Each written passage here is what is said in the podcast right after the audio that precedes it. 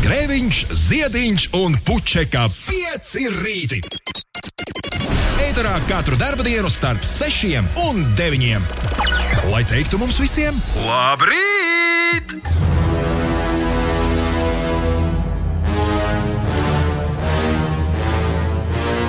Pirmdiena bija, jā, jā bija.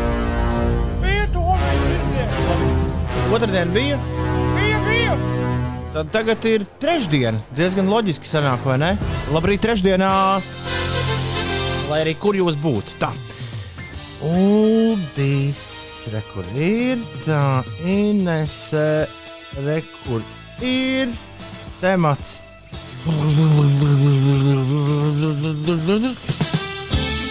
Tā, un te ir jāspiež paste, paste. O? Tagad Zoom links viņiem ierakstīts. Spiežu sūtīt. Sūtīt ir nospiests. Nu, tagad atliek gaidīt, kad Ulas un Ines parādīsies online. Kad uh, viņi mums pieslēgsies.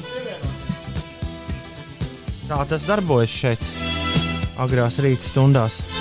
Dažreiz diskžokais to nepagūst izdarīt līdz, līdz brīdim, kad raidījums ir sācies. Tad tas ir jādara raidījuma pašā sākumā, tik vienkārši. Labrīt, trešdienā, 24. februārī. Februāris lēnām mums māja ar roku un saka, tā, tā, tā, tā.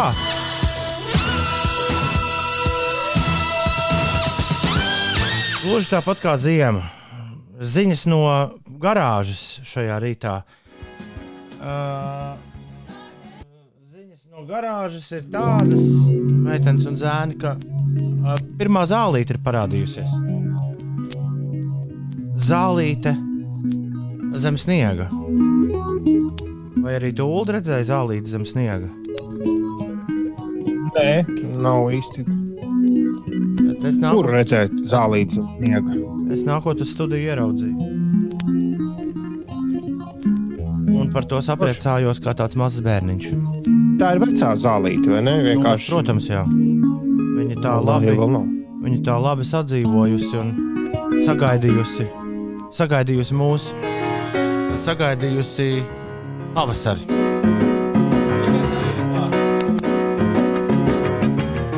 Ines arī ir pieslēgusies. Labrīt, Ines! Jā, labrīt. Es jūs visus sveicu ar šo. Šis ir tuvākais, kur es tieku Magnus Dramambēsiem līdzi. Šis ir tas vecais Dramambēs, kā jau pie veciem ļaužiem pienākas. Nu jau Saul, divi vīri no Ņujorkas, Little Louis Vega un Kenny Dope Gonzales.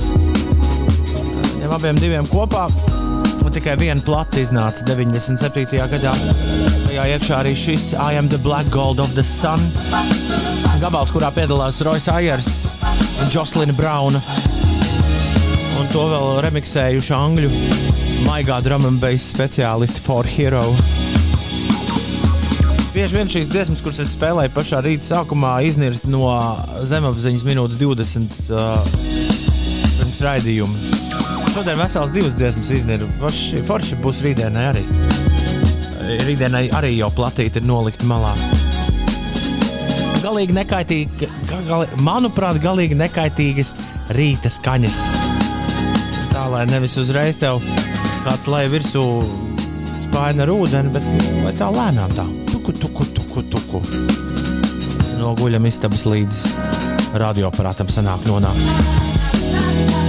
Valteram no Jūglas prieks par silto laiku. Viņš raksta ļoti nevēlos, lai ziema un sniegs atgrieztos. Pagaidām, šie vēl nav prom tā līdz galam. Varbūt sagaidīsim, lai pavisam pazūd, un tad sāksim aprunāt.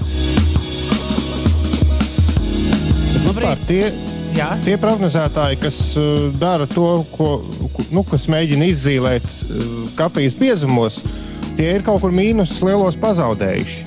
Martā.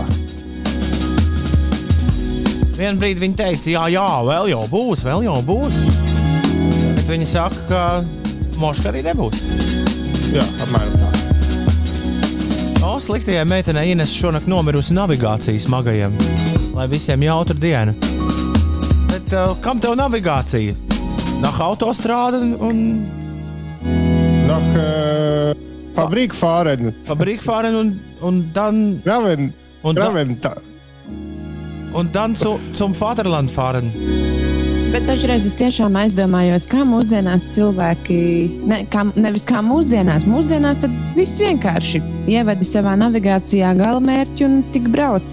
Bet kā kādreiz cilvēki brauca vai atrada kaut kādu vietu, uz kurien ir jābrauc, nu, tur, piemēram, lai satiktos vai, vai pēc kaut kādām precēm vai kā. Zini, kā uz, zini, kā uz Londonu brauc Ines? Londonā, Nu, nu kā? Lo- Londonā bija tāda slavena grāmatiņa, London 8 to Z. Uh, apmēram šī tik bieza, es Inesē rādu, nu, tāda, tāda kārtīga. Un katrs turists ar tādu gāja pa ielu. Jo nu, tu esi bijusi Londonā, tu ļoti labi zini, ka Londonā ielu loģikai nav vispār nekāda sakara ar nekādu cilvēku loģiku. Tur viss ielas ir nu, šitā, šitā te sabūvētas. Mm. Kā, kājām gaisā. Visām, man liekas, valstīm tie turisma ceļveži, ko var uh, iegādāties, bet tas vairāk priekš Nē, tas tādiem nav turisma turisma, tas nav turisma ceļvedis. Tā bija lieta, kur tu vari atrast jebkuru Londonas ielu un saprast pēc kartes, kur tev ir. Kur tev un kā ir jādodas? Ar Tā es atceros, vēl, ka es ar tādu staigāju apkārt, lai vispār kaut kur saprastu, kur ir jāiet pa labi vai pa kreisi. To karti arī autovadītāji izmantoja. Autovadītājiem bija savs šmišelīna kartes, kur dēļ šmišelīna kļuva par vienu no svarīgākajiem zīmoliem pasaulē vai Eiropā vismaz. Jā, es skatījos nedēļas nogalē, skatījos Medmenu pēdējo sēriju, un tur tas galvenais varonis mazliet aizbēga un brauc, kur acis rāda. Un viņš arī sēž vakarā motelī ar lielām kartēm priekšā. Un, un tad tur tā vēl ar zīmolu, tad varētu šeit vai varētu šeit. Tur Tad droši izdomā vien maršrutu. cilvēkiem bija ļoti laba atmiņa. Uh, es gāju, es mēdzu, ja man kaut kur bija jānonāk no metro stacijas līdz uh, kādā pasaules pilsētā, līdz hostelim. Uh, jo pēc, pēc tam hostelī var pēc ulu metodas. Ja tu atrod, galvenais, tu atrod, kur tu dzīvo, pēc tam jau tu vari staigāt vienkārši, kur acis rāda uz priekšu, uz atpakaļ. Galvenais atceries, kur bija jāiet uz priekšu, kur bija jāiet uz atpakaļ, kur tu nogriezies pa labi un kur tu nogriezies pa kreisi.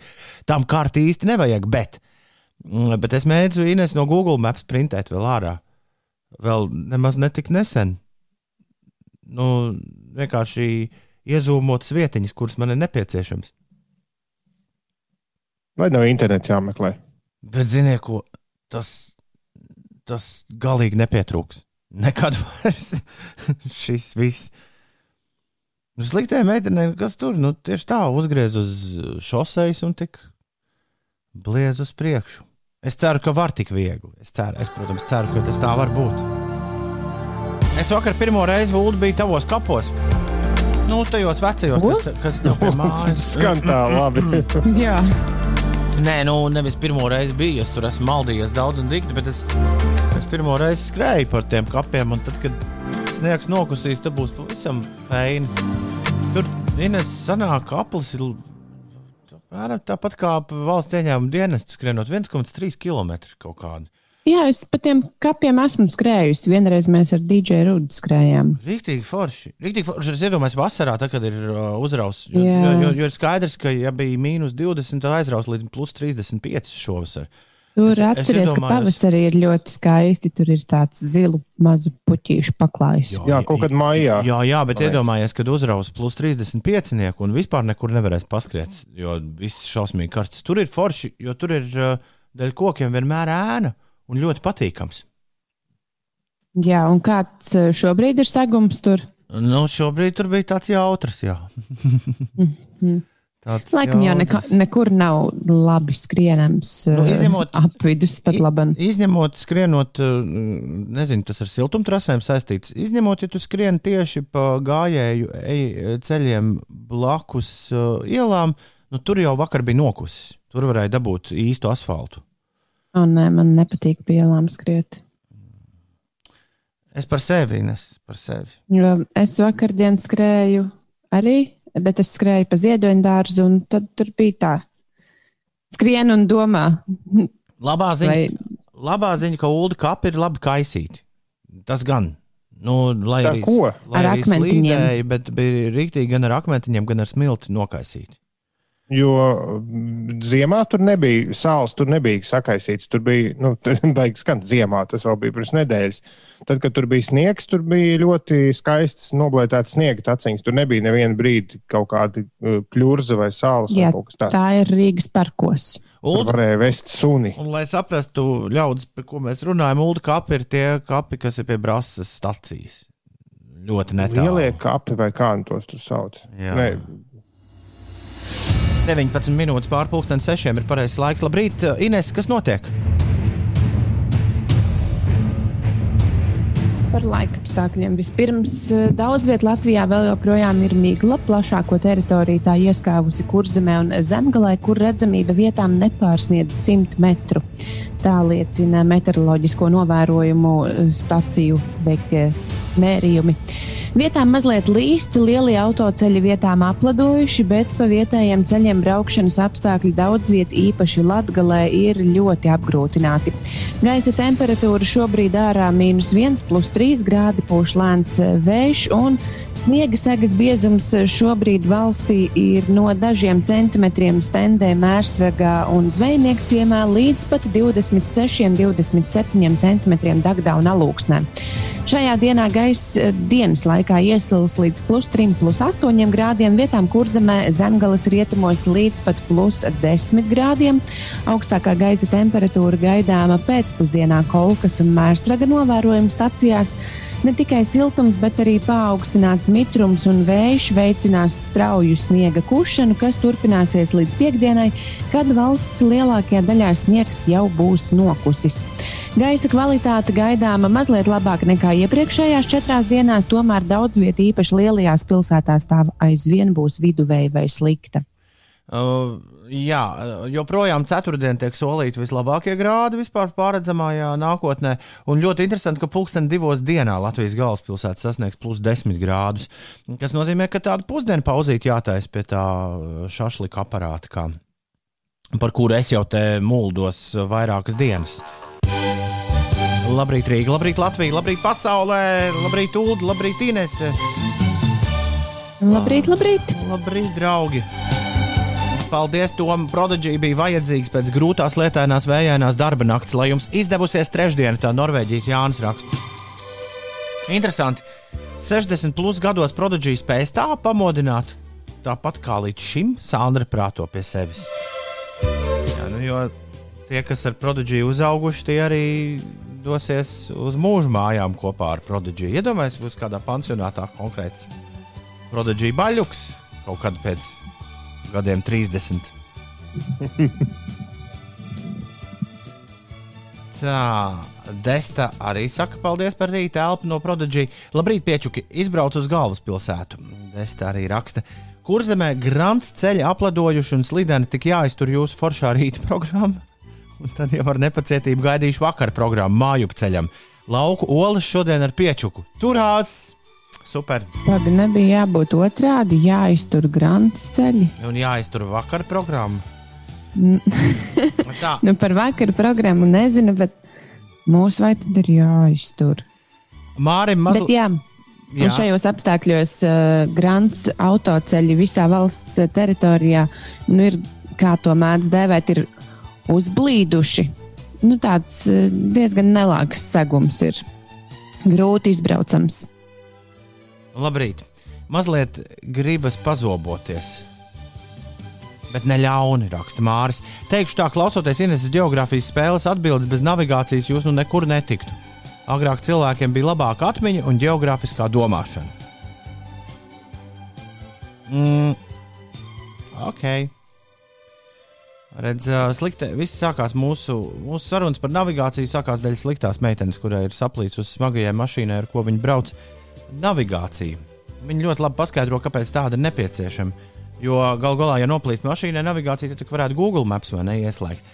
Bet rekurs sliktā meitene pati skaidro, ka labi, ka es zinu adreses, jo Google Maps tur nevar braukt, jo daudz kur smagajiem ir aizliegumi, un to bieži vien tev nerāda.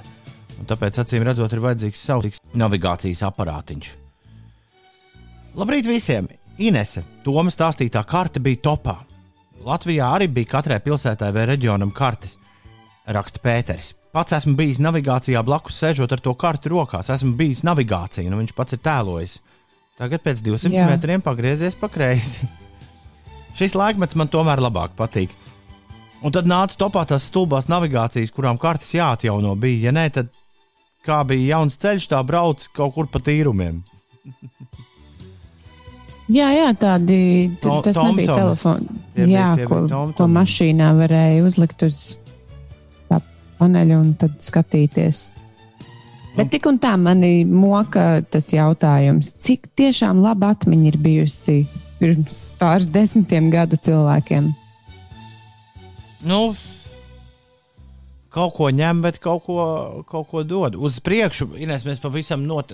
Es kā nebraucējs, bet kā cilvēks ar kājām ejot, kuram nav šobrīd jāinteresējas, jātērē laiks un jāskatās kaut kādas kartes, jāmeklē vai, vai jāsaprot, kur es nonākot svešā pilsētā, uz kuru pusi došos. Tad, kad tas viss ir telefonā, uh, tiek ietaupīts ļoti daudz laika un arī nervu. Jo, jo tad, kad tu ar kārtu aizēji uz nepareizo pusi, tas ir bijis savādāk nekā tu aizēji ar navigāciju ieslēgt rokās, mobilajā tālrunī uz citu pusi. Nu, proti, tu vari atģisties, ka es aizgāju uz citu pusi krietni vēlāk. Nu, Tas kaut kā līdzībās. Uh, uh, Bet brīdī, kad tev izlādējas telefons, mm, jā, kaut, to, to vajag katrā no- ziņā to man liekas, cilvēki ir arī uh, diezgan izklaidīgi palikuši. atceri- Nepievērš paši tik daudz uzmanību tam, kas ir apkārt. Tad, kad, jā, tad, kad izlādēs telefons, tad noteikti tā kā man notika Turīnā. Šo stāstu tu noteikti esi aizmirsusi. Kad man nākot Noteikti. no koncerta mājās, kur bija jāiet 3 km un jānogriežas vienā svarīgā vietā, telefons bija izlādējies. Es nomaldījos pusnakti pa Turīnu līdz tiku uz mājām. Jā, tā, jā, tā tas notiek, bet tā, come on, nu, atkal ir kaut kāda piedzīvojuma vismaz. Uh, apmaldīties senāk šajos laikos daudziem. Man liekas, ka katru dienu aizvien vairāk ļaužu ņem un apmaldās. Rekur, rekur izbijusi popzvaigzne nesen uh, apmaldījās aizvadītajā nedēļas nogalē, aiz, apmaldījās kaut kā savās domās un, uh, un ierakstīja Mark, Markam Zukerbergam piederošajā sociālajā tīklā homo, homofobisku un aizskarošu nu, tādu traktātu jau lielu. Es ļoti labi atceros, ka pirms gadiem pieciem bija Lietuvā diskžokejs, kuram solīja visas pasaules panākumus, un kurš bija jau bijis arī Anglijas topā pirmajā desmitniekā pat iekšā. Viņam atlika vienu teikumu uzrakstīt, un viņš ne tikai ir izsvītrots no deju mūzikas vēstures, bet arī tika izsvītrots. Pavasarī es atceros, tas bija visšausmīgākais. Viņam bija kaut kādi 50 festivālos jāuzstājas, un no tiem visiem viņš tika izmests ārā pāris stundu laikā. Mūsu popzvaigzne ir izbrīnīts par to, ka viņš uz nedēļu ir izmests Mēnesi. uz mēnesi veselu. Es Jā. sapratu, ka uz nedēļu. Okay. Mēnesis, mēnesis. Pareizi 30 dienā. Viņš uz mēnesi ir izmests ārā no Marka Zukerberga tīkla, kurā viņš nevar neko īsti darīt. Un uh, viņš tagad aicina visus doties uz, uz kaut kādu tīklu, kur es pirmo reizi dzīvē dzirdu. Kur uh, Šis ir ne- tiešām tik svarīgi. nebūs nekāda cenzūra. Nē, nē, es tik par to, kā, kā mēs apmaldamies. Es kaut kā tajā, es, es mēģinu saprast vienu pusi un otru, bet man kaut kā, man patīk ar karti iet, man patīk ar telefonu. Ar telefonu ir forši iet, kad tu paskaties, kur jāiet, un tad telefonu noliec nost un vairs neaiztiec. Tieši tāpat kā ar karti savulaik. Vienīgais pluss, ka tu tajā brīdī, kad tu kaut kur esi nonācis, tad tu vari paskatīties vienkāršāk, kur tu esi. Tas arī viss, ko telefons dod. Nu, Mēs visu laiku runājam par divām dažādām lietām. Ar karti staigāt, eh, jā, un eh, sliktākajā vai labākajā gadījumā pieeja kā- pieeja pie kāda cilvēka klāt un eh, apjautājies, kur tu atrodies. Bet braucot ar mašīnu, Jā, tur jau tu nevari sadalīt tik vienkārši uzmanību, skatīties kartē un skatīties uz ceļa. Nu, jā, tāpēc Tiešām ir jābūt lielai uh, Nē, nu vai nu brauc bagāžai. kāds, vai nu brauc kāds blakus, vai arī tev ir profesionāļiem ir karte, kurā jau ir uzzīmēts tas maršruts, nezinu, tur ar zīmolu ievelc un tad uz tādas plāksnītes uzliec uz paneļa un skaties, tur iemet aci vai nu, kaut kā tā. Vai arī tev sēž ūdens blakā minēs un sauc Jā. un tēlo navigāciju? Jā, obligāti jāņem kāds cilvēks tad līdzi bija. Man patīk, es esmu sēdējis ar kārti, man ļoti patīk sēdēt blakus. Es esmu pat Varšavai ar pirmo piegājienu cauri izvedis. O, Un braucot uz Vācijas pusi, tas nav nemaz tik vienkārši. To tu vari ierakstīt CV. tas bija laiks, kad tur kaut ko būvēja, kaut kādu jaunu Varšavas ceļu, un tas bija laiks, kad tur bija vienkārši murgs, lai neaizmauktu garām kaut kur. bet eh, dzīvē, noslēdzot šo visu, jo es tur pieminēju savu veidu alegoriju, ja dzīvē uh, joprojām jāmeklē tas Google Maps, kurš tev parādīs, vai nē, esi apmaldījies. Nu, Uzskatos, katram jau savs ceļš ejams. vai ne? Uzskatos, zināšanās, un tā tālāk. No, Uldi. Jā, jā, man ir jautājums. Nedēļas nogalē salūzu un pasūtīju internetā zābakus. Ha! Salūza. Nē, nu, es salūzu. Tāpēc, ka nosalu dikti kājas piekdienu vai sestdienu, un es sapratu, nē, piekdienu nosalu kājas, un es sapratu, nē, viss pietiek. Tad, kad visi mīnusi jau garām, Nu, jā, bet īstenībā viņi arī mitrumam būs jau tur ar visām membrānām un visu. Bet uh, es, uh, es nopirku vienīgo ražotāju, kuru, par kuru izmēriem es esmu pilnīgi pārliecināts, jo man 90% apava ir tikai no tā viena ražotāja. Okay. Un līdz ar to es diezgan stabili esmu pārbaudījis jau 11 gadu garumā, ka, visi, nu, ka man der tas 46. izmērs. Plus iepriekšējie zābaki nokalpoja, es te rēķināju, 8 vai 9 gadus. Līdz ar to cenas kvalitātes attiecība ir, nu, tas ir labs ieguldījums. Nu, lūk, un šis, šie zābaki izrādās ceļo no Polijas. Un man ir jautājums, Zābaki no Voļkas Kosovskas izceļoja 22. Tas ir pirmdien, vakar mm -hmm. kaut kur vizinājās pa Lietuvu. Eh, Un vakar jau parādījās eh, tā piegādes uzņēmuma mājaslapā, ka piegāde būs šodien, Jā, līdz dienas beigām. Tas arī viss, ko man viņi saka. jā. Šobrīd zābaki ir ieradušies vakardien bez 20 pusnaktī, ir ieradušies tranzītā Rīgā. Kurš dienests, kurš dienests tas ir? Tas, kurš eh, nu, ir tāds pats vārds, kā angļuiski saka, ja kaut kas nesenāk vai izlīst. Failure. Nē, tad parasti saka, vai tikai citu, angliski saka citu vārdu. parasti, ka man liekas, kaut kur upju saka. Nē, nes šmups. saka. Ah, okay. Ah. Ah, okay. Ah, ah. ah, tie ir strādāt. Tie gan ir, tie ir precīzi. Eh, Bet, Bet bet viņi, viņi, tātad, kā viņi, jautājums, ir, cits, jautājums ir, vai es pēc raidījuma, jo man ir mazliet laiks dienas pirmajā pusē, un pēc tam viss kaut kas jādara, vai es pēc raidījuma varu doties pagulēt, vai viņi atbrauks man desmitos un piecels man augšā. atstāja telefonu ieslēgtu un nepagulēt. Jo visticamāk, viņi būs kaut kad starp, eh, mana prognoze būtu, ka viņi ieradīsies starp 9 un 12, apmēram tajā amplitūdā. Bet cikos Ja- tas nav īsti zināms. Bet, zini, kā tev ir labi kaimiņi, kas visu laiku dzīvo uz vietas. Man ir kaimiņiene, jā, tā, kas. Nu, redz, tā tā pasā- no viņiem paņems jebkurā gadījumā. Ja gadījumā tu būsi izgājis uz veikalu šmanta šmarmaru pēc, pēc končiņām, tad. Uh, vai kaut kādas dīvainas pilspaules. Galvenais, lai, galvenā laimes recepte Ulu ir nesūtīt viņus prom. Nu, mēģināt, ja viņi ir ieradušies, jo viņi tā dara. Viņi atbrauc bez jebkādas prasīšanas. Parasti tas visvairāk man rīktīgi iepriecina darba dienas vidū, tad, kad es esmu radio. Un, nu, kur, kur, kā lai es, kāpēc viņiem šķiet, ka es varētu būt mājās tajā brīdī? Bet nu, skaidrs, tāds ir viņu darbs, un tā viņi, tā viņi darās. Bet eh, nu, man par laimi vienmēr mājsaimniecībā kāds tur ir uz vietas, un kāds var to paku paņemt. bet, eh, bet jā, galvenais viņus nesūtīt prom, jo tad, tu, nāk, kad viņi atbrauks nākamreiz, ej, nu sazini. Nu, jā. Jautājums tāds arī bija. Ja vakar 11. tad preci ir ieradusies Rīgā, tad vai būs dienas pirmajā pusē, vai, vai Nu, vai arī Labi. rīt? Nu, tad nē, nu, viņi ne, ne, sola šodien līdz dienas beigām.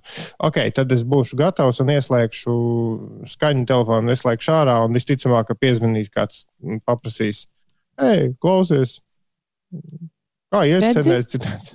Šī ir tā lieta, kas man parasti kaitina ar piegādēm.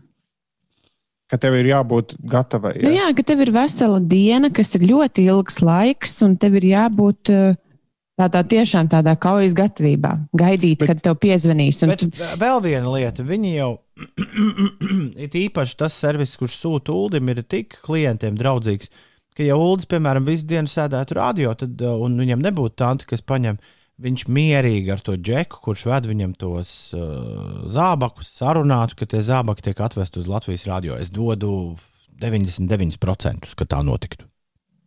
Tas ir forši. Bet, Ines, šis ir jebkurā gadījumā ir labāk nekā Amerikā, kur Amazons vienkārši tevi atstāja uz, uz, Viņš nomet mauriņā. Jā. jā. Nu, tas ir, ja tev ir privāta māja. Mm. Nu, jā, bet tā privāta māja pat nav tāda ar sētu vai kas vienkārši arī, ne, arī pie dzīvokļiem.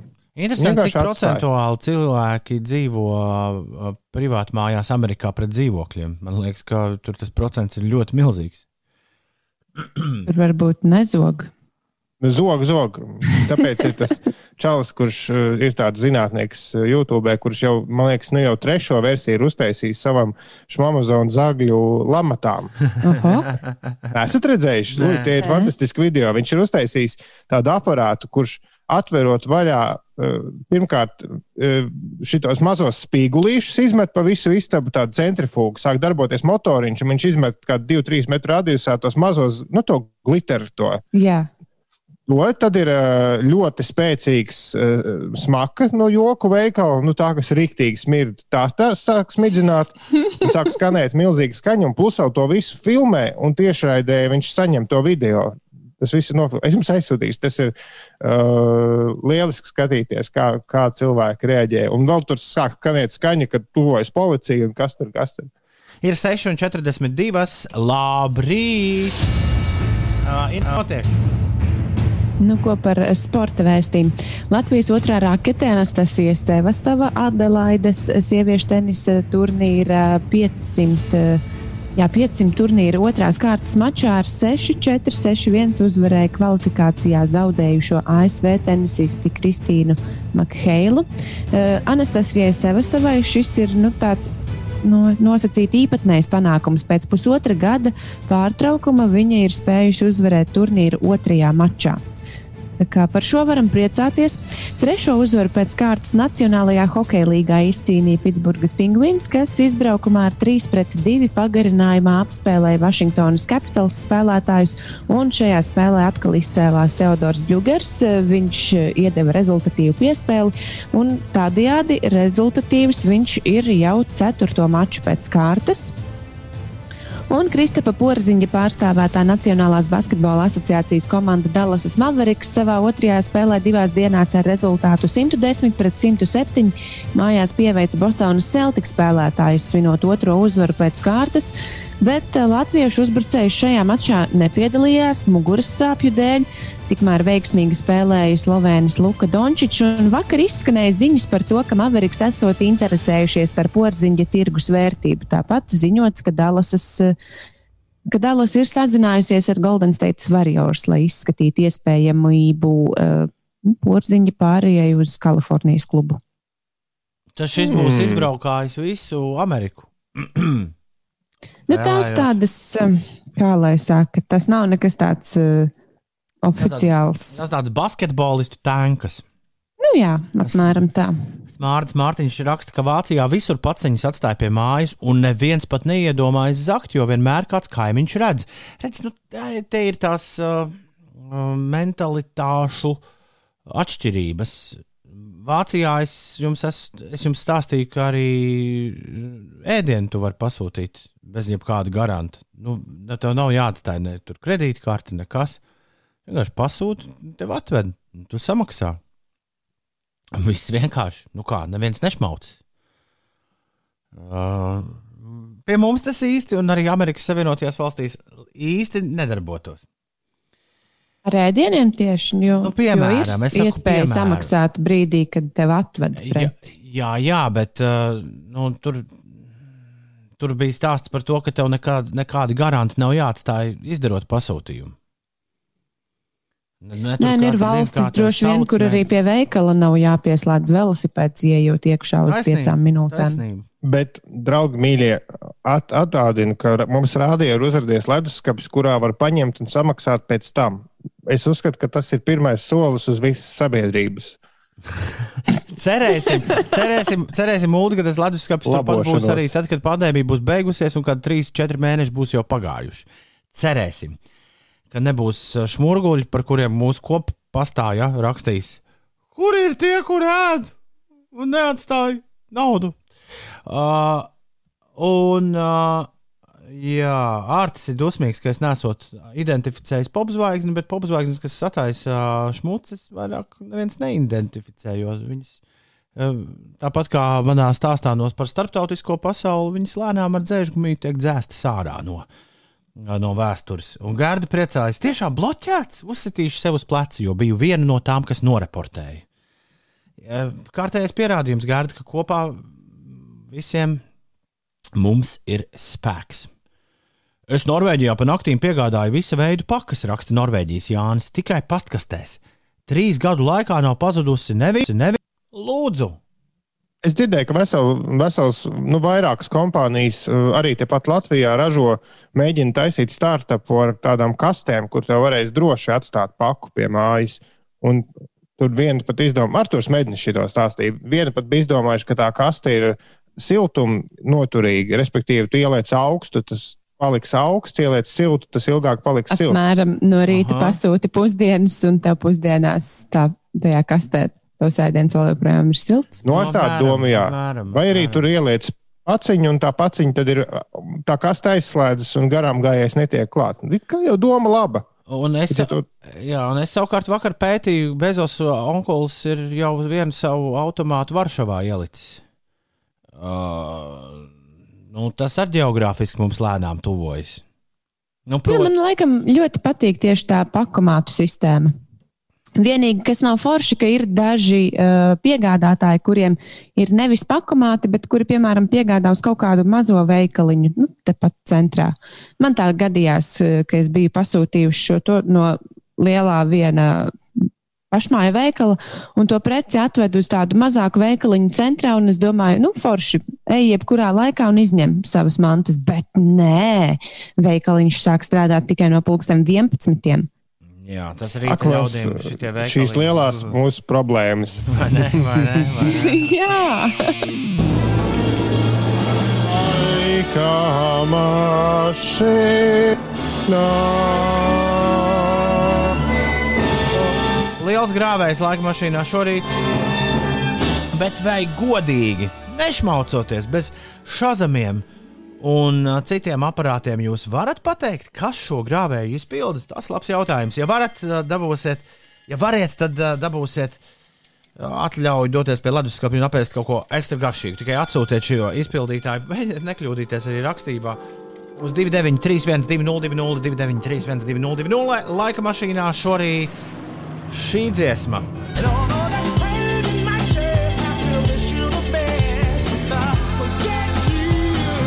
Oh, oh, oh, oh. Nu, kas tas tāds bija, Ines, ko mēs nu pat dzirdējām? Mm. Man ir, es pieļauju, ļoti muļķīga versija. Nu, nu. Bet nesmējies. Es absolūti nesmējos. Es, es, es kādreiz smējos, es kādreiz smējos. It kā tā it kā tā balss liekas ļoti pazīstama, bet tajā pašā laikā nosaukt cilvēku nevar. Man liekas, ka tas varētu būt kaut kāds Maroon 5. Maroon 5 tas, diemžēl, nav. Uldi, vai tev ir kāda versija, kas tas ir? Es būtu vilcis īstenībā Ines Tā kā tu pateici, man arī kaut kas tur saklausījās līdzīgs. Es nezinu, bet tas bija rīktīgi smieklīgi, jo es nekad neieklausījos. Viņš tur vienā brīdī vai, vai, vai, vai. Tiesas beigām dikti izmisis vīrs, bet es tiešām nezinu, nebūs. Tas nav Farēls Viljams. Tas nav, lai arī viņš dzied Nārls Barklī, tas nav Nārls Barklī. Tas nav Bruno Mars, kā ļoti daudz domā īziņu mašīnā. Tas nav arī Marks Ronsons. Tas ir Sea-Low Greens. Viņi mēģina saukt arī vienkārši par Sea-Low. Un šis bija viņa lielākais hits, kuram ir pareizi arī kāds rakstīja. Viņam ir arī šeit dziesmai otra versija, bet uh, tās nosaukumu gan neteikšu. Veiksmīgu rītu jums visiem! Tā kā droši pie leduskapja apēst kaut ko garšīgu visiem, kur teica, ka tas ir sīlo, es jūs sveikšu un visus teikšu. uh, tad, kad būs pienācis tam laiks. Bet kur man ir ziņas? Kāpēc man ziņas ir nogrieztas klusumā? Vā, tas galīgi nav labi. Rekordziņas. Šis ir fragments no 5 LV podkāsta Kā ir būt? Visu sarunu klausies 5 LV mājaslapā vai populārākajās straumēšanas vietnēs. Atsākot mācības, 4. kursā bija nepieciešamība pēc kvalifikācijas darba idejām, un tad man tā viena no domām bija kaut kādā veidā panākt, lai kristiāns spētu pārvietoties patstāvīgi, jo kristiāns nu, nestaigā, nerunā, nesēž. Nu, viņš pilnīgi, pilnīgi neko ir tikai vienīgi aprūpējams. Un vēl liels prieks, ka vismaz viņš izrāda emocijas, smējās, raud, kliedz, pievērš uzmanību, pieprasa uzmanību un vispārējo, kā jau bērni. Būt ir visādi. Trauksmaini, cerīgi, dīvaini, juceklīgi un ļoti skaisti Sarunas par būšanu klausies podkāstā Kā ir būt. Jauna epizode katru pirmdienu, 5 LV mājaslapā un populārākajās straumēšanas vietnēs.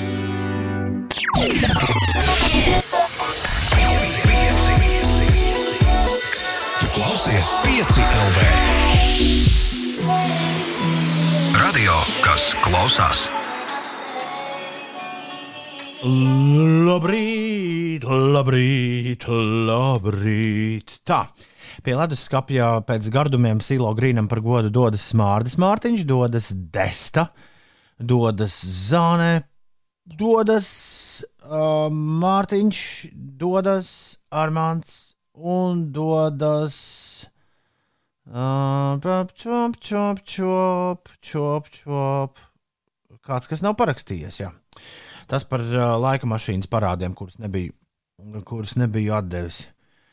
Vairāk šķiet, nekas man nav arī sakāms. Labrīt, ir 7 minūtes pāri 7. ir trešdiena, 24. februāris. Uldis un Ines arī šeit. Ines žāvās. Jū! Inesē miedziņš nāk. Cikos te gulēt? Kuram nenāk uh, miegs uh, Es kaut- šādā rīta stundā. Es Es aizgāju gulēt ap pus 12. Inesē, tu tur. nē, nē, mēs tev dzirdam, dzirdam, bet tu tik, tik, tik mierīgi mīlu pateici, likās, ka tu miec ciet. Es, es modos pēc pieciem ar ļoti lielu vati galvā, bet kaut kā jāatzīst, ka tā pirmā stunda ir nākusi pa labu. Jā, no vatas vairs nemiņas. Un gaisma ar pasties rekur rādās aiz loga pelēcīgajā Jā, jā. pavasara. Tikai, pa- tikai tādā sākumā. miglātīta gaisma. Tas gan, tas gan. Ko jūs labu redzat? Atrakstiet 29, 31, 202, 29, 31, 202.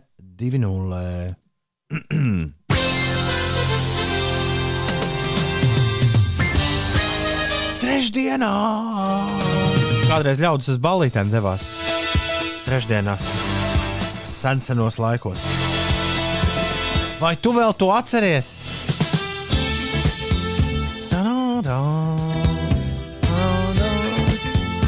Diānai, Dinai un Dinam šodien vārda svētki. Čau, Diana, čau, Dina un čau. Dis. Lieliska dienā! Jau pirms laba laika rakstīja Iveta no ērgļiem. Labrīt, man ir tik daudz Diānas draudzenes. Tad nu visas uzreiz sveicu publiski. Diānas, mīlules, sveicu jūs! Mēs pievienojamies Ivetai. Diānas labākās. Latvijas judists Vsevolots Zeļonijs svin dzimšanas dienu. Bijušā valsts prezidenta Valdes Atlere, uh, nebijušā, bet joprojām esošā sieva Lilita Zatlere svin dzimšanas dienu. Daudz laimes bijušajai ministru prezidentai Lemdotai Straujumai, bijušajam Rīgas mēram Gundaram Bojāram dzimšanas dienu. Franču autobraucējs Alēns Prosts svin dzimšanas dienu.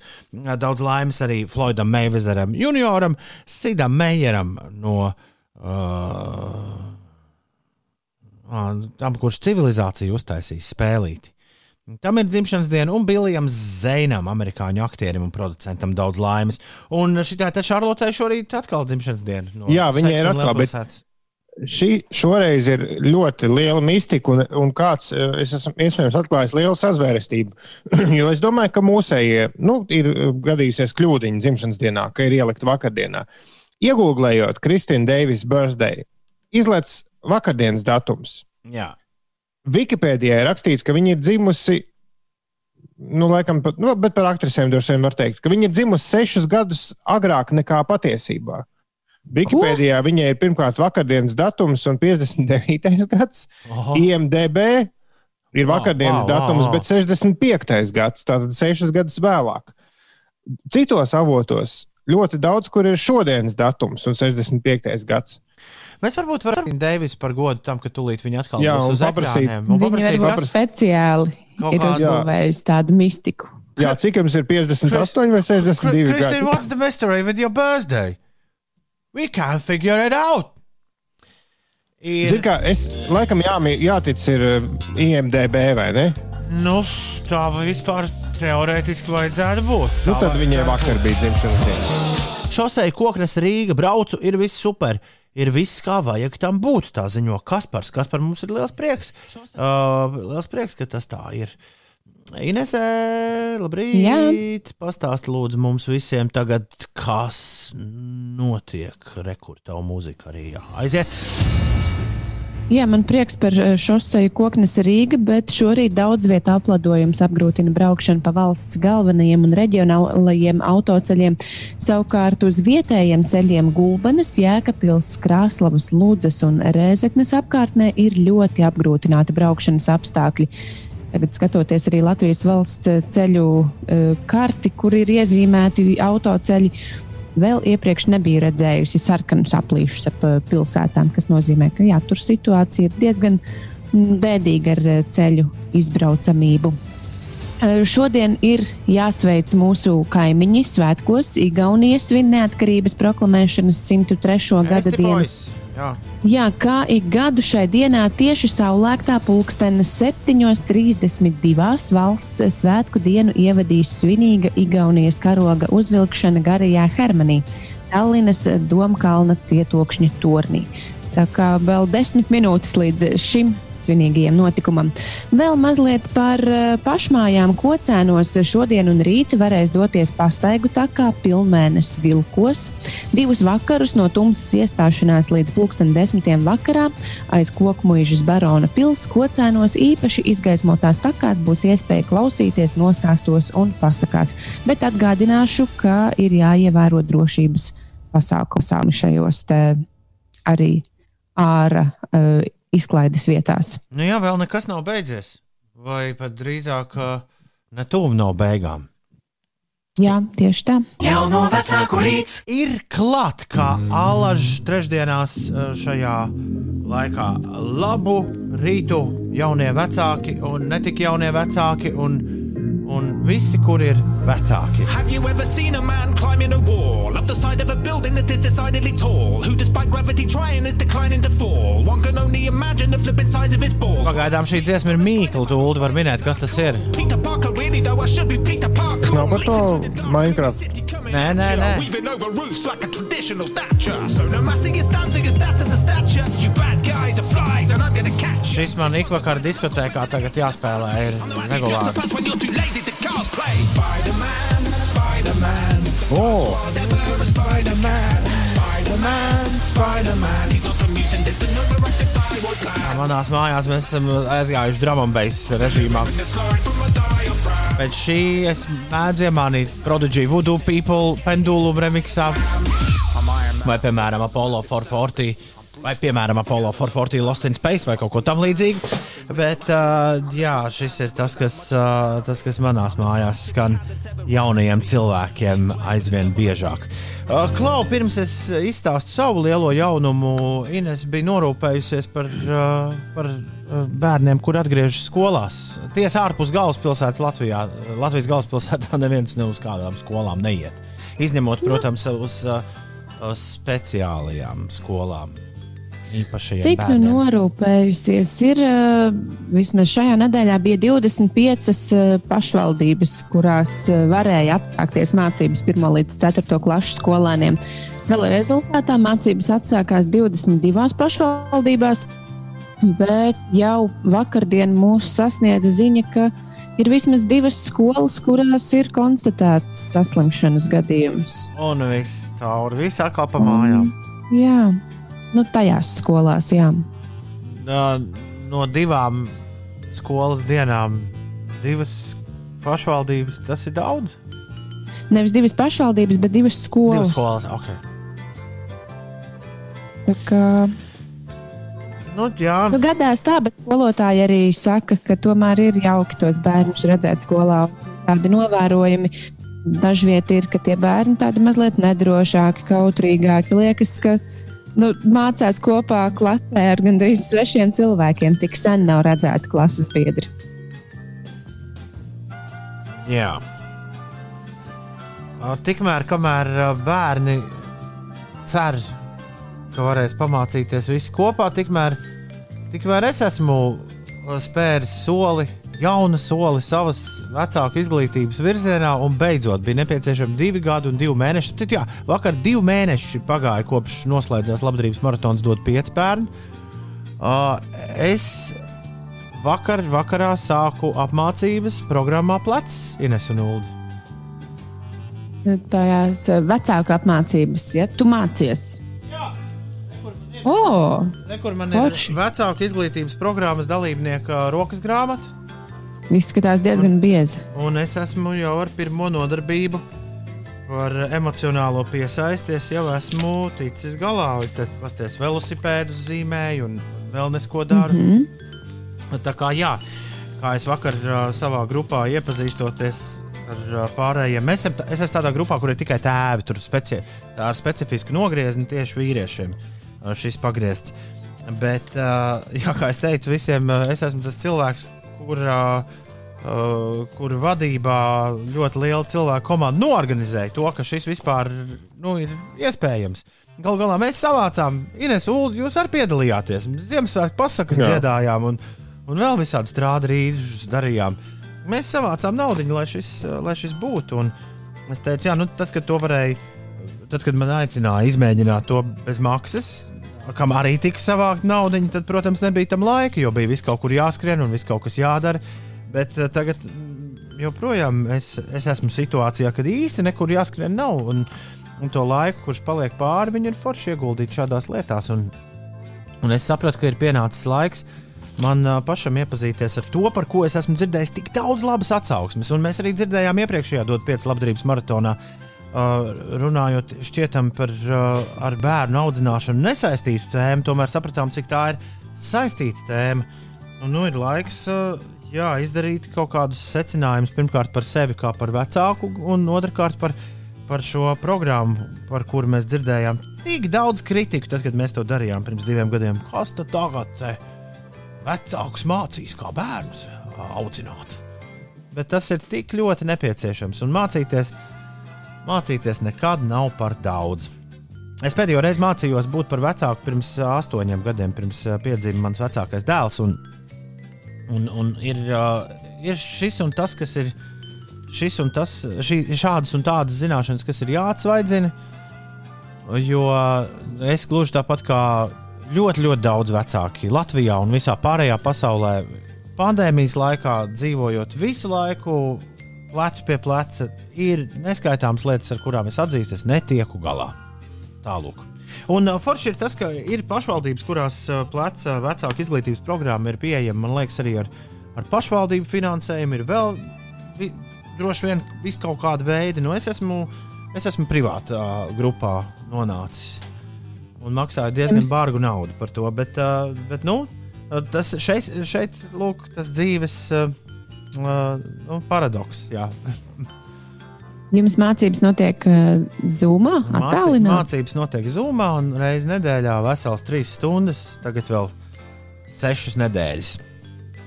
Par to Mhm. padomāšu. Bet vispār baigi, baigi funky, jo mēs uzreiz sapratām, Netflixā seriāls, kur ir jāskatās. ā, Izrādās ir vesela kaudze dokumentālo seriālu, par kuriem es nezināju, par, par audzināšanu. Tad es uzzināju vienu, vienu rīktīgi foršu National Geographic seriālu par uh, fizikas likumiem. Tā kā, tā kā forši, kas arī ļoti labi uh, jā, iet kopā. Un tur jauniem cilvēkiem var rādīt visādus trikus. Nu tā, uh, vienādi sakot, uh, pēc sešām nedēļām būs kaut kāds secinājums no manis par to, kas tas ir.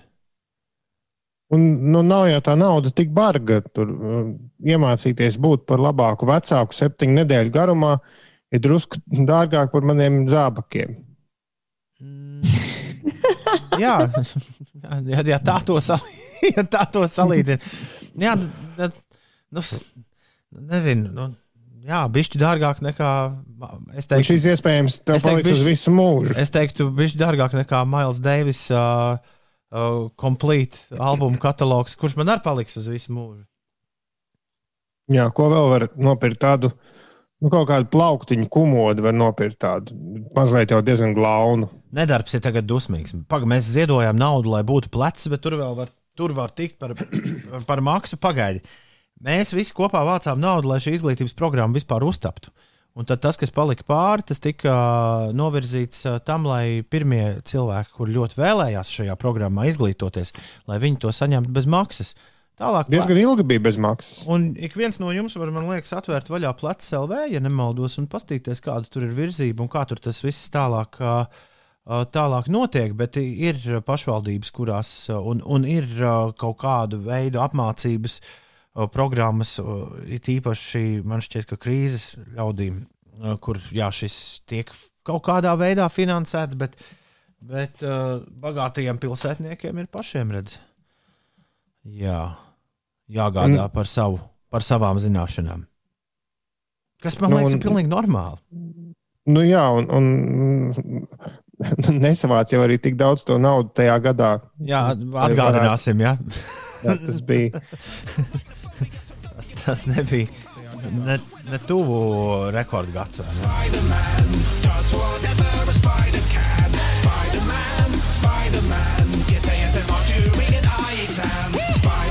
Jā, plecs LV.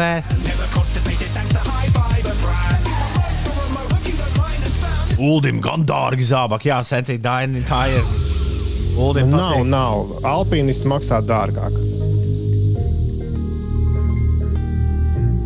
Nedarbs raksta, ok, beigās vaina tajā, ka nesavāc naudu. tas nav gluži tas, kā tas darbojas. Bet es, mēs par šo vēl pagūsim, vēl parunāt kādā rītā no tā. Jauno vecāku rīts. Jā, no vecāka rīta līdz ar to šorīt ir noslēdzies 7,35 minūtes. Ir pareizais laiks. Labrīt!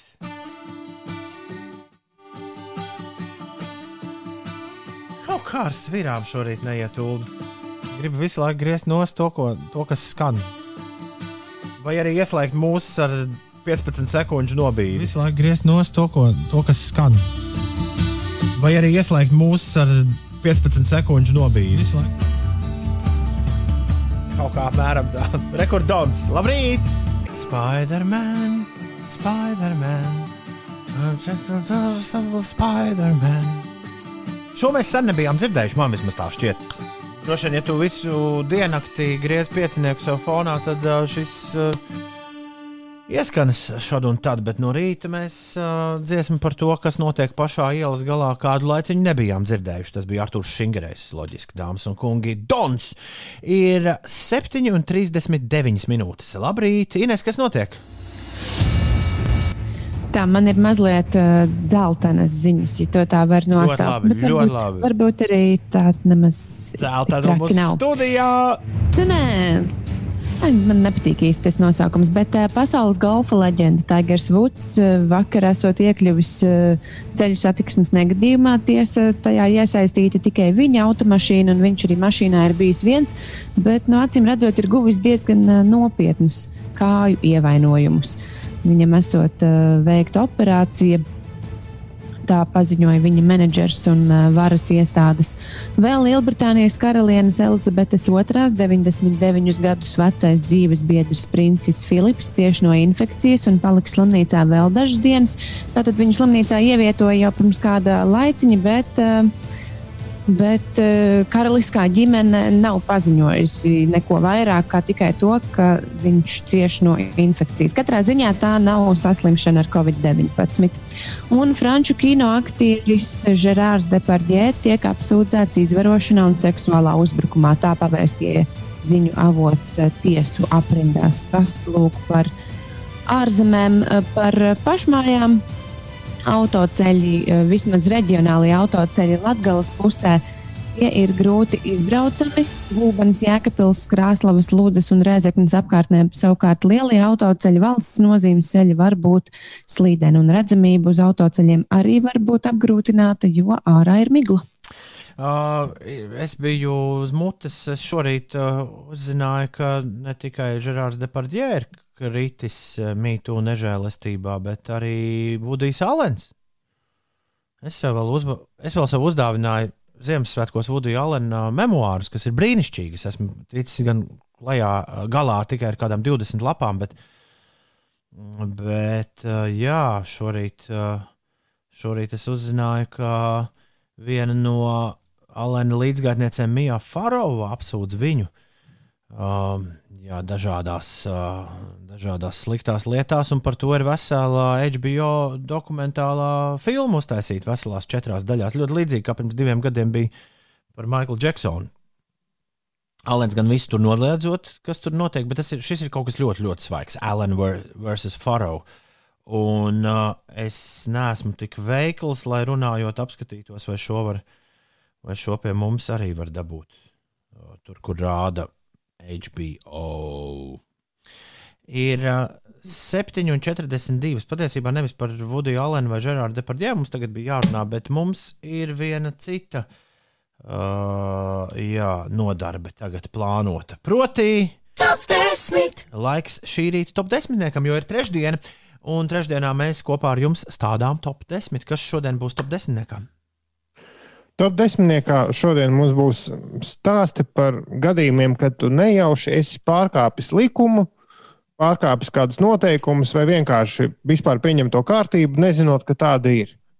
Un es varu izstāstīt ātri domu gājienu, kas man pie šī atveda. Es pagājušajā nedēļā pie mājām ļoti dro, netālu no mājām, ļoti pārliecinoši apgriezos braukšanai pretējā virzienā, vietā, kur kā pēc tam secināja, tas ir atļauts tikai no krietni vēlāka laika vakarā. Un es tik pārliecinoši to darīju, ka, ja man būtu kāds apturējis, es būtu teicis, kā tad taču drīkst griezties. Un, uh, tad es domāju, ka tas varētu būt labs top 10. Un atcerējos mūsu negadījumu Slovākijas uh, akvaparka pirtīs. Mēs ar dažiem kolēģiem tur pirms daudziem gadiem bijām vairākas reizes. Pirmajā reizē pirts bija kopīgas visiem. Jā.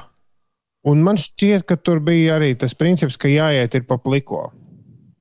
Nu, kaut kas, ne, neatceros detaļas, bet stāsta īsi. Stā, svarīgākais tas, ka nākamajā reizē, pēc kādiem gadiem, diviem, trim atgriežoties, bija noticis remonts. Un kā izrādījās, pirtis ir mm, pārtaisītas un uztaisītas atsevišķas vīriešu, sieviešu pirtis.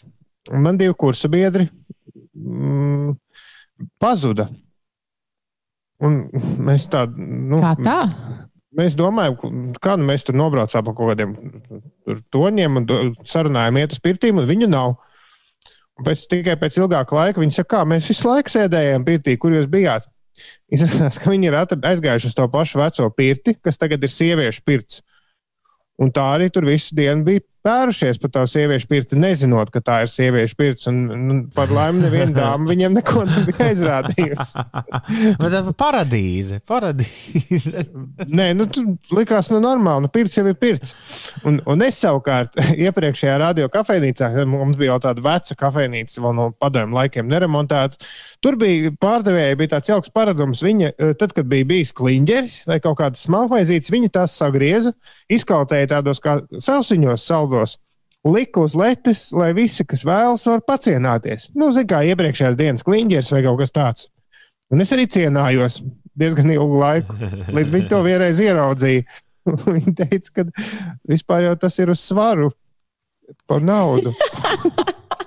Un es tiešām ilgu laiku, ik pa laikam, katru reizi, kad gāju kaut ko pirkt, paņēmu kādu gabaliņu foršu sausiņu, tā pa brīvu nolikt, lai varētu cienāties. Jauki. Jā. Es pirms gada uzzināju, tikai tad, kad gandrīz māju nodedzināju, tad es no Ulu uzzināju, ka nedrīkst, nedrīkst savā pagalmā dedzināt mantas, nu, kuras nav vajadzīgas. Tur visādus kartonus un, un vēl nesko.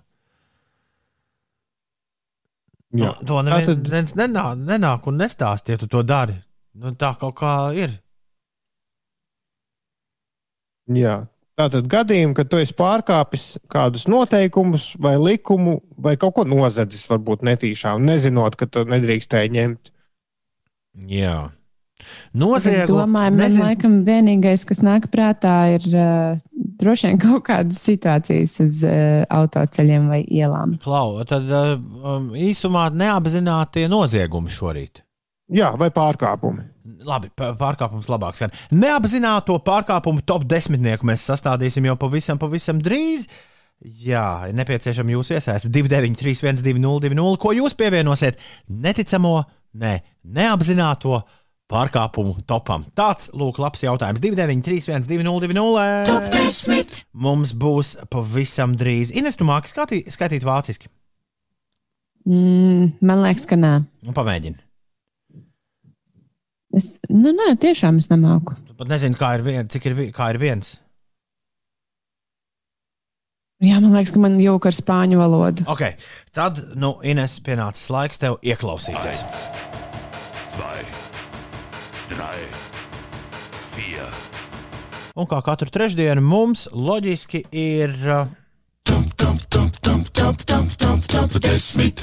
top desmitniekā šorīt netīšie noziegumi. Nē, Ne jau šie pārkāpumi. kaut kur Uzreiz jāsaka, uzrakstīt, Jā, nu, jā okay. Jā, un, un reiz jāsaka, ka mums senos laikos reiz bija tops par eh, lietām, ko tu nejauši esi nozadzis veikalā. un šo- Ļoti daudz ziņas ir līdzīgas, tāpēc dažas no tām es neiekļauju, lai nebūtu viss pilnīgi vienādi. Okay, desmitajā vietā ir Garda. Ko Garda darījusi Berlīnē? Pastāstīnes. Berlīnas slēgtajā Tempelhofas lidostā izējot cauri sporta zālē, kur bija kaut kāds bērnu pasākums, tika ārā un apgāja dažas barjeras. Beigās viņa izgāja lidostas postus jau iet uz skrejceļiem. Skrejceļiem, un kur ir viena lidmašīna. Uh, Garda saka, ka viņi esot fotografējušies, līdz no ēkas iznāca vāciski runājošs vīrs un lika noprast, ka mums te nav jābūt. Tad ieradās apsardz un aizveda mūs atpakaļ uz vietu, kur bija tas bērnu pasākums, ar kuru, protams, mums nebija nekāda sakara, un tā jau nebija nekur rakstīts, ka nedrīkst iet. Jā, Vācijā tu pašam jāsaprot, nīt, nīt, nain, nain. Aicis 9. vietā gadus atpakaļ ar ģimeni iegājām lielveikalā un stāvot pie garas rindas izdomāju izjokot māsu un viņai kapucē ieliku gumijas metālīti draudziņam. Uh, Nu, vīrieši tur to nu, tāds Prezervatīvu. Un Tad pēkšņi māma atcerējās, ka kaut ko aizmirsusi un pameta rindu un devāmies atpakaļ veikalā. Pa gumijas metālīšiem aizmirsām līdz brīdim, kad aizgājām mājās, un viņa velkot nos džemperi pamanīja, tā teikt, pašai nezinot pārkāpa likumu. Protams, pēc tam aizgājām un samaksājām. Tas 9. vietā. 8. pozīcijā. Mana mamma reiz Viļņas Ikejā pirka kādas desmit burciņas ar apelsīnu džemu, lai nebūtu tas viss jāliek uz letes. Viņa pārdevēja iedeva vienu burciņu un angliski teica, braucot mājās un pētot čeku, sapratām, ka viņa ir samaksājusi tikai par vienu burciņu. Tad iedeva vienu burciņu un angliski teica, ten. Braucot mājās un pētot čeku, sapratām, ka viņa ir samaksājusi tikai par vienu burciņu. Vēl joprojām pieminām viņai, ka viņa ir apzagusi Šmikajā veikalu. Septītajā vietā Igors. Vienu reizi būvmateriālu veikalā meita man novērsa uzmanību un skrūvgriezi automātiski ieliku kabatā, nevis groziņā. Pie kases apsarga kungs jautāja, kur skrūvgrieznis. Kaunpilni izstāstīja situāciju un tiku cauri ar paskaidrojumu. Tas Igors 7. 6. vietā Alīna. Labrīt, staigājos Rodas salā, vecpilsētā pa veikaliem un laikoju, uh, laikoju bižutēriju. Līdz vienā brīdī laikojot apģērbu citā veikalā. Vārds laikoju ir sabeigts mūsdienās. Laikojot apģērbu citā veikalā, sapratu, ka man uz rokas no iepriekšējā veikala ir palikusi skaista rokas sprādze, kuru es pat nebiju pamanījusi. Ā, jā, es vairs neatcerējos, kur tas iepriekšējais veikals atradās, no kur man bija palikusi šī rokas sprādze, un baidījos turpināt shoppingu, ka kāds dusmīgs neskrien pakaļ. Rokas sprādze palika man un pēc kāda laika pazaudēju. Jeb tā teikt, jāsaka, kas labi nāk, kas viegli nāk, tas viegli arī iet. Piektajā pozīcijā Ričijs. Viņš raksta, labrīt! Pārgāju pāri ielai neatļautā vietā tieši netraferētai policijas mašīnai. Paprasīju dokumentus, uzrādīju. Izrādās, man tiesībām beigusies bija medicīniskā un divus gadus braucu nelegāli ar auto. Paldies policijai, ka pārbaudīja dokumentus. Pārbaudiet savu medicīnisko, jo nav tā, ka automātiski uzliek desmit gadus. nepalīdzējis Ulu komentārs, viņš to nesaprot. Galīgi. Ceturtajā vietā ar savu auto braucu pa šauru ieliņu, pretī brauca vēl viena automašīna. Domāju, ka man bija priekšroka un turpināja kustību, taču izrādījās, ka braucu pa vienu virzienu pretējā virzienā. Tā raksta anonīms. Ai, ai, ai, ai, ai, ai. Trešajā vietā uh, prātnieks ziņa tikusi tik augstu, jo rakstīta ar autokorektu. Prātnieks raksta, vienreiz iegāja 4. līnijas veikalā Jālgavā bez groziņa, mantu savu padaudz un rokās bija ilonas, ja bija aizņemtas. Tamdēļ sekas, jeb zeķis, iemetu pedus padusē. Neko aizgāju uz kasi, samaksāju par mantām, aizgāju uz mašīnu un konstatēju, ka zeķis joprojām iespiests padusē. Protams, uzreiz aizgāju samaksāt. Otrajā vietā krāvārtis šodien ticis. Viņš raksta, nav gluži tā, ka nezināja, bet aizmirsu samaksāt par uzpildīto degvielu. Kad dienas otrajā pusē aptvēru, ka nav samaksāts, devos uz dus samaksāt. Laipnā kasiere izvilka garu sarakstu ar tiem, kas nav samaksājuši, un mani izsvītroja. Nu, vismaz labā ziņa, ka tu neesi vienīgais. Un pirmo vietu šodien ir saņēmis Siguldas Edgars. Apsveicam Siguldas Edgars. Siguldas Edgaram pirmā vieta. Viņš raksta šādi. Man sieva reiz vienā tartu viesnīcā uztaisīja brokastu traci. Tajā, kā mums likās, zviedru galdā bija redzami burtiski dažā, dažas kaut kādu produktu atliekas. Vēris breakfast, vēris cucumbers un tam līdzīgi sašutuma saucieni skanēja administratoram. Tas savukārt mums saka, ok, ja jau mūsu breakfasts jums nedara, rekur vecpilsētā vēl kafejnīcas. Vēlāk, pētot par šo vietu atsauksmes, uzzinājām, ka tur īstenībā ir superīgs breakfasts a la carte.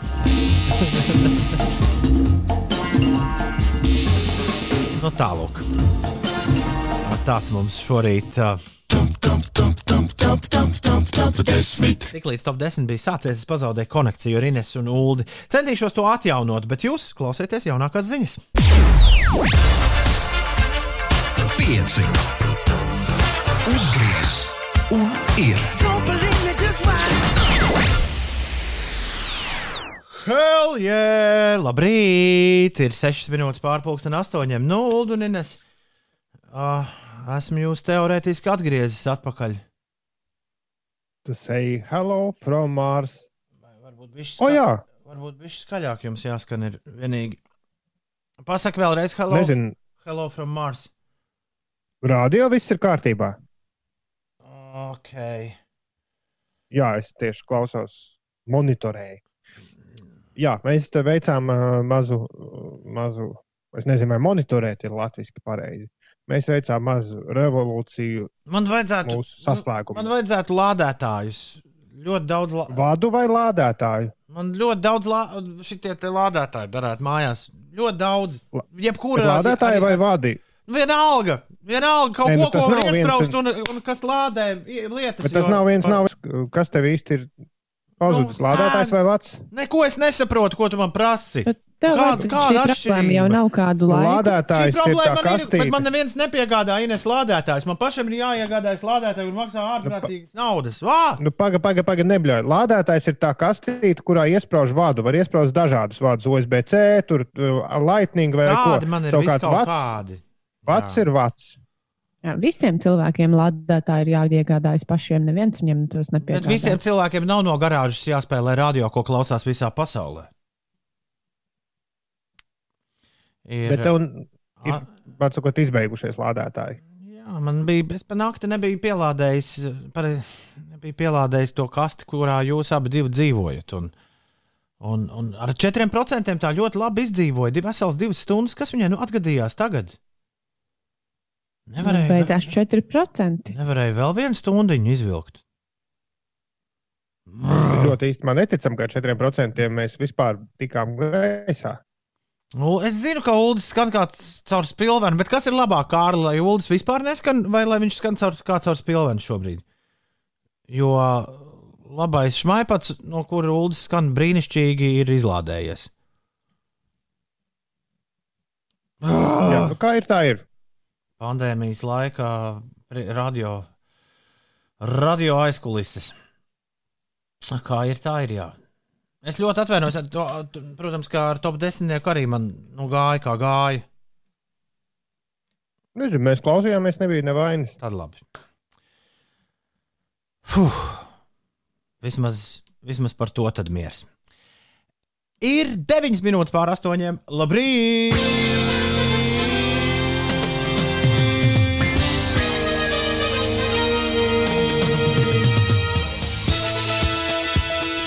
Šeit Latvijas radio 5,5 LV.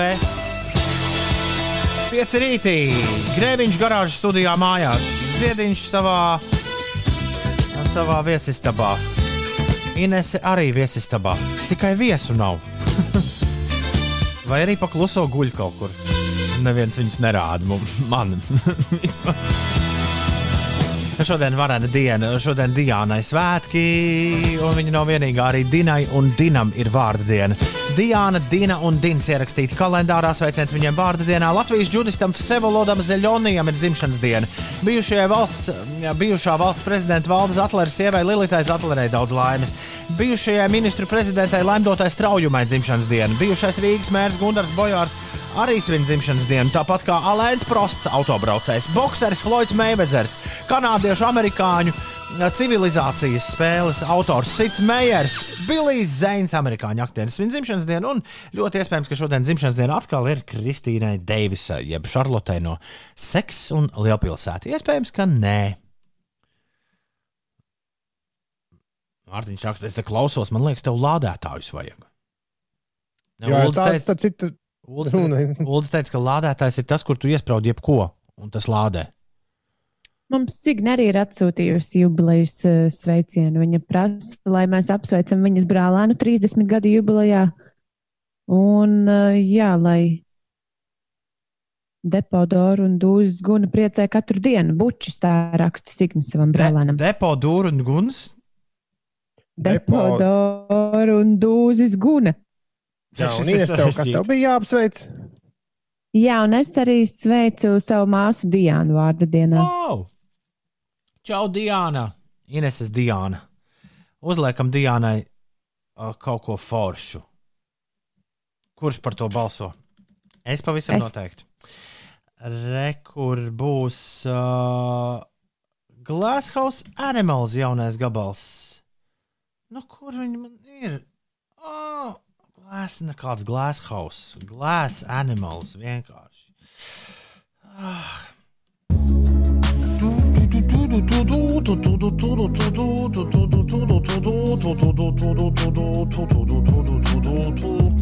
Ir 15 minūtes pārpusdien, 8. Labrīt! Glass Animals un Heatwaves. Tavā rīta radio.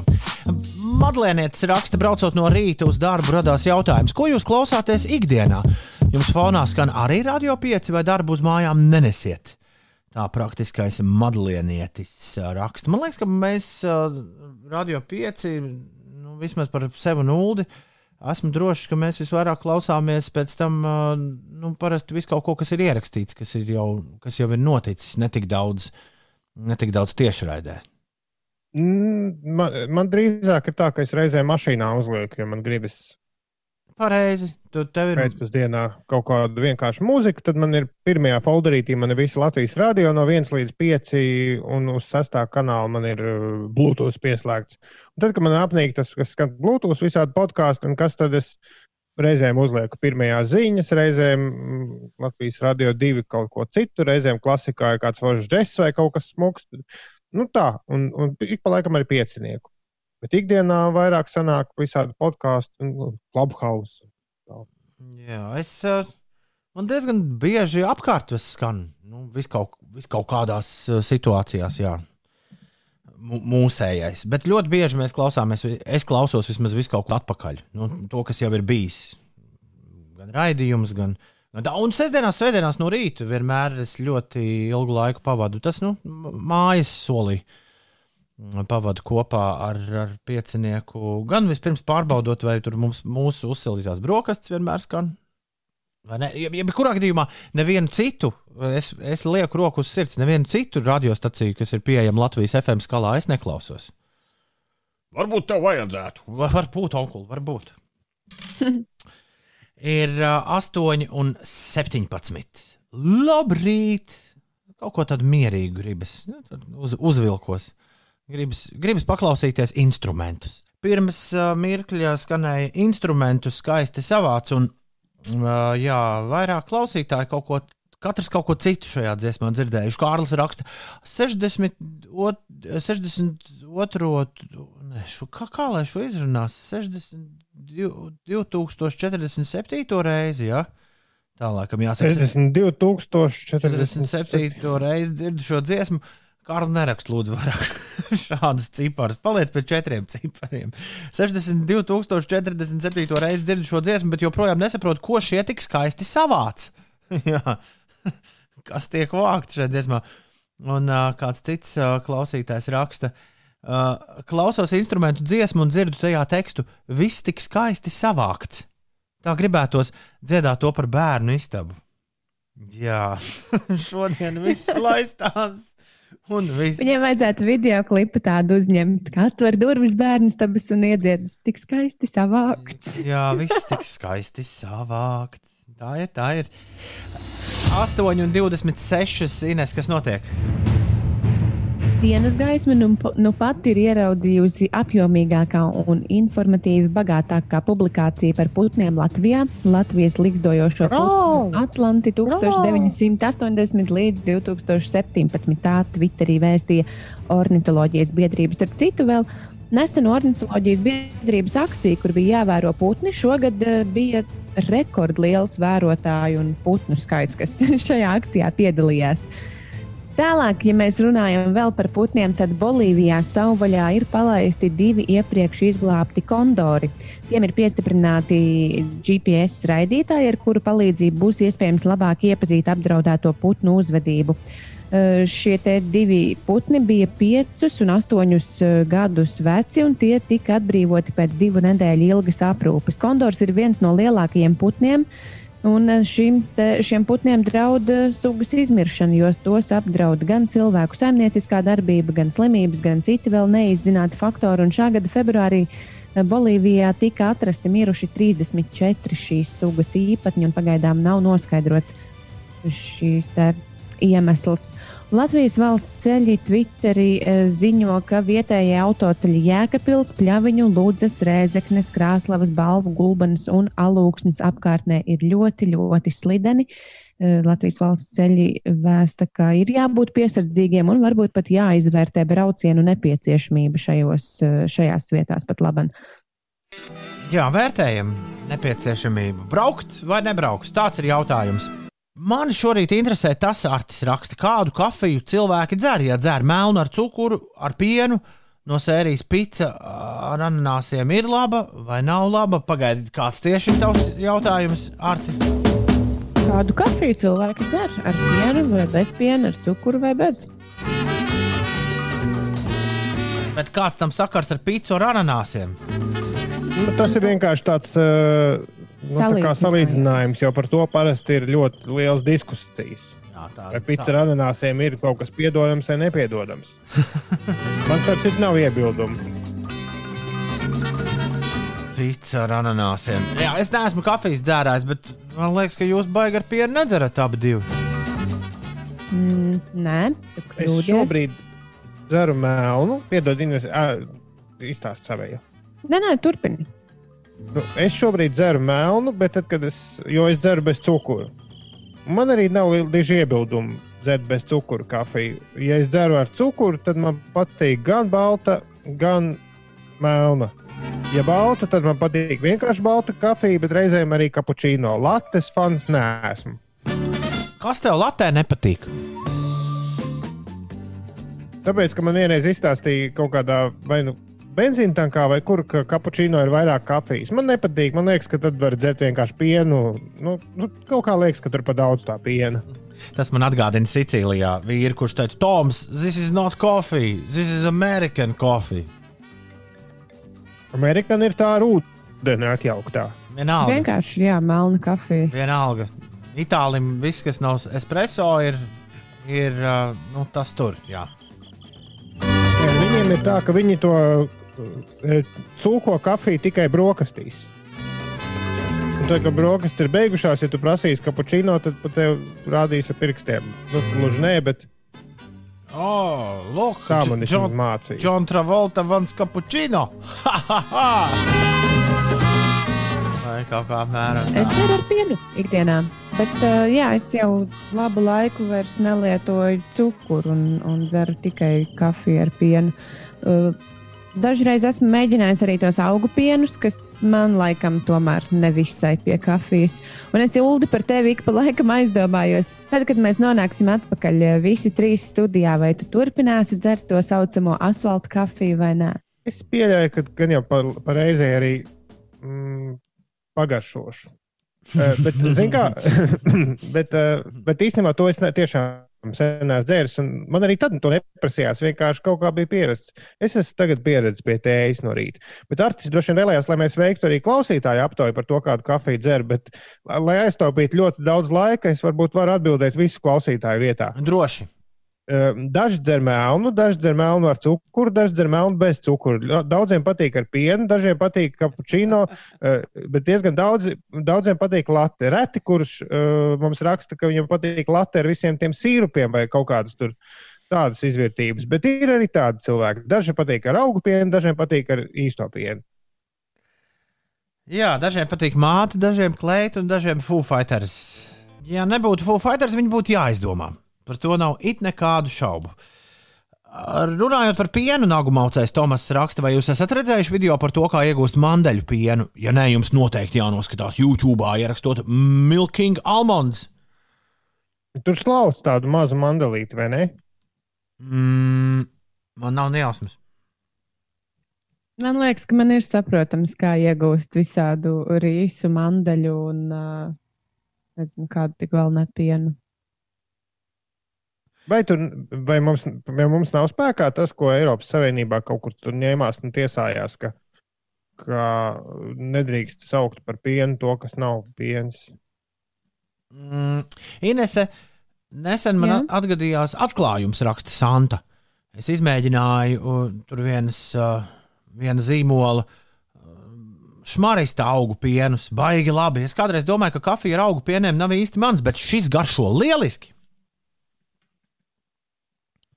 Nu, nav tā, ka es eh, ļoti censtos atrast kādu augu pienu, ar kuru dzert kafiju. Man pilnīgi nav nekas pret uh, govis pienu.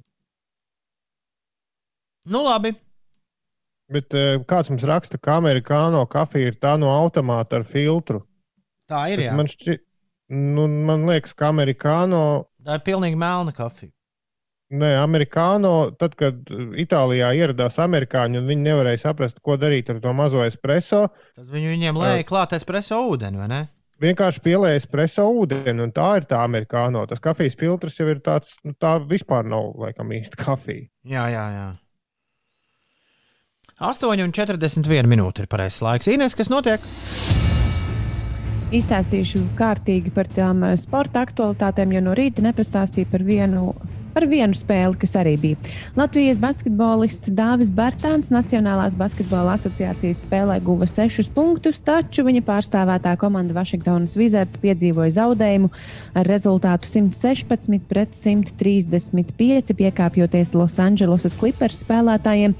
Šī bija Vašingtonas Wizards eh, sastā spēle pēc kārtas, kurā bija cerība gūt uzvaru. Līdz ar to tas būtu vēsturisks notikums, bet nu, sērija aprāvās līdz eh, pie piecām uzvarām. Latvijas otrā rakete Anastasija Sevastova, sieviešu tenisa asociācijas eh, Adelaides 500 turnīra otrās kārtas mačā ar 6-4, 6-1 uzvarēja kvalifikācijā zaudējušo ASV tenisisti Kristīnu Makheilu. Pēc pusotra gada pārtraukuma spēlējot spējot uzvarēt uh, turnīra otrajā mačā, šausmīgi sapatrojošajā ziņā par uh, tenisu. Jā, šī bija tā spēle, kurā Anastasija Sevastova pēc diezgan ilga pārtraukuma bija spējīga uzvarēt otrajā mačā. Parasti viss apstājās pie, pēc pirmā mača. Un trešo uzvaru pēc kārtas Nacionālajā hokeja līgā izcīnīja Pitsburgas Penguins, kas izbraukumā ar 3-2 pagarinājumu apspēlēja Vašingtonas Capitals. un Šajā te pagarinājumā gūtajā punktā savu roku pielika arī Teodors Bļūgers. Viņš eh, dabūja rezultatīvu piespēli, bet, ko, bet kopumā viņš ir bijis rezultatīvs jau ceturto maču pēc kārtas. Piekrītu Uldim, raksta vetārsts Kristaps. Piens ir piens, kurš ir iegūts kā piens, bet varētu būt interesanti, kā slauc mazo mandelīti. Tas jau ir tajā YouTube video. Tur diezgan šausminošs skats, tur ir piesieti tie rīkstiņi pie tādiem standiem, un,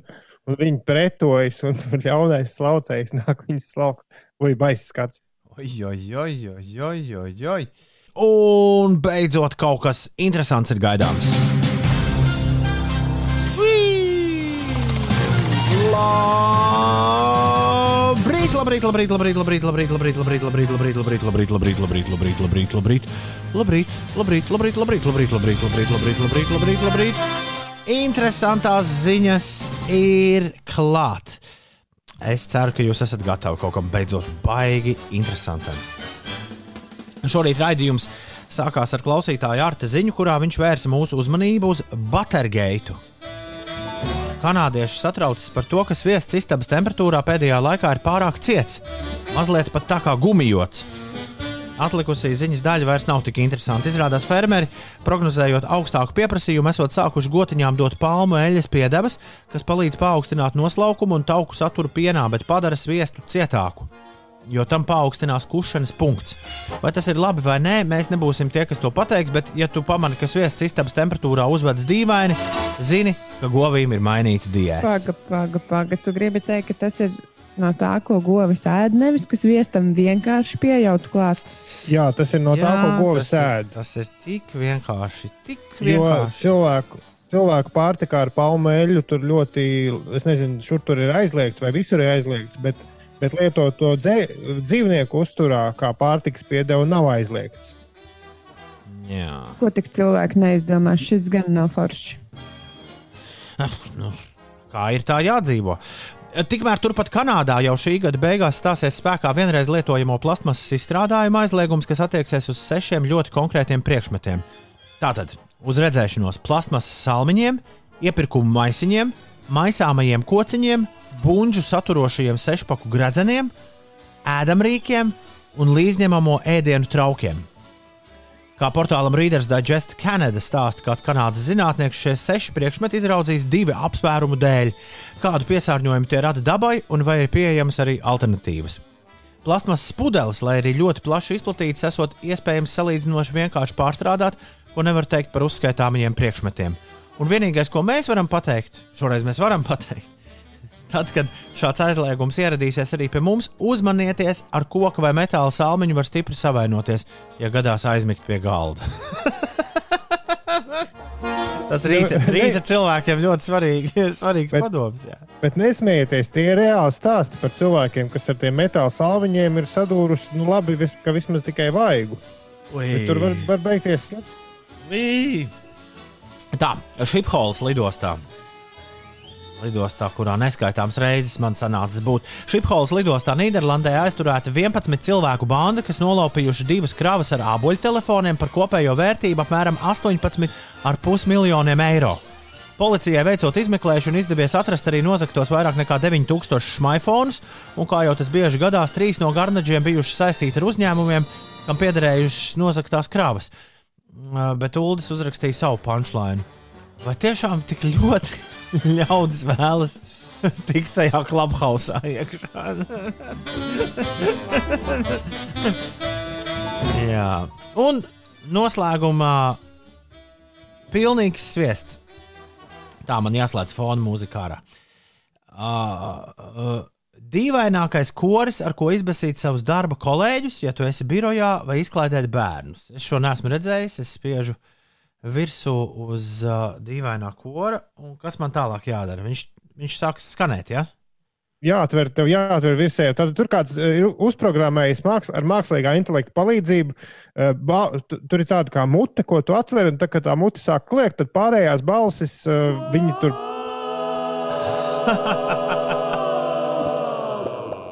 Es pārējās arī Paver vairāk. Ok, pavērš.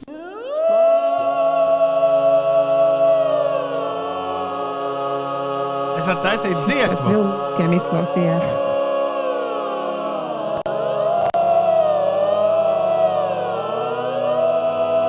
Lieliski, lieliski!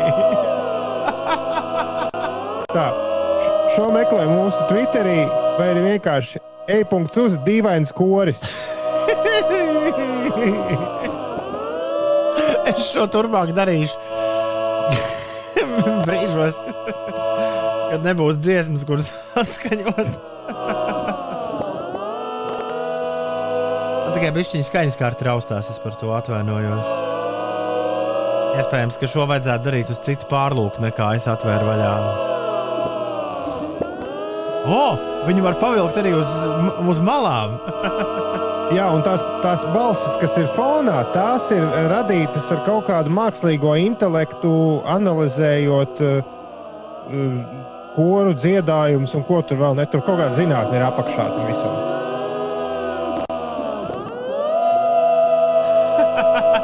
Ja jūs redzētu Ineses seju šobrīd, Es pat neredzu. Es pat neredzu.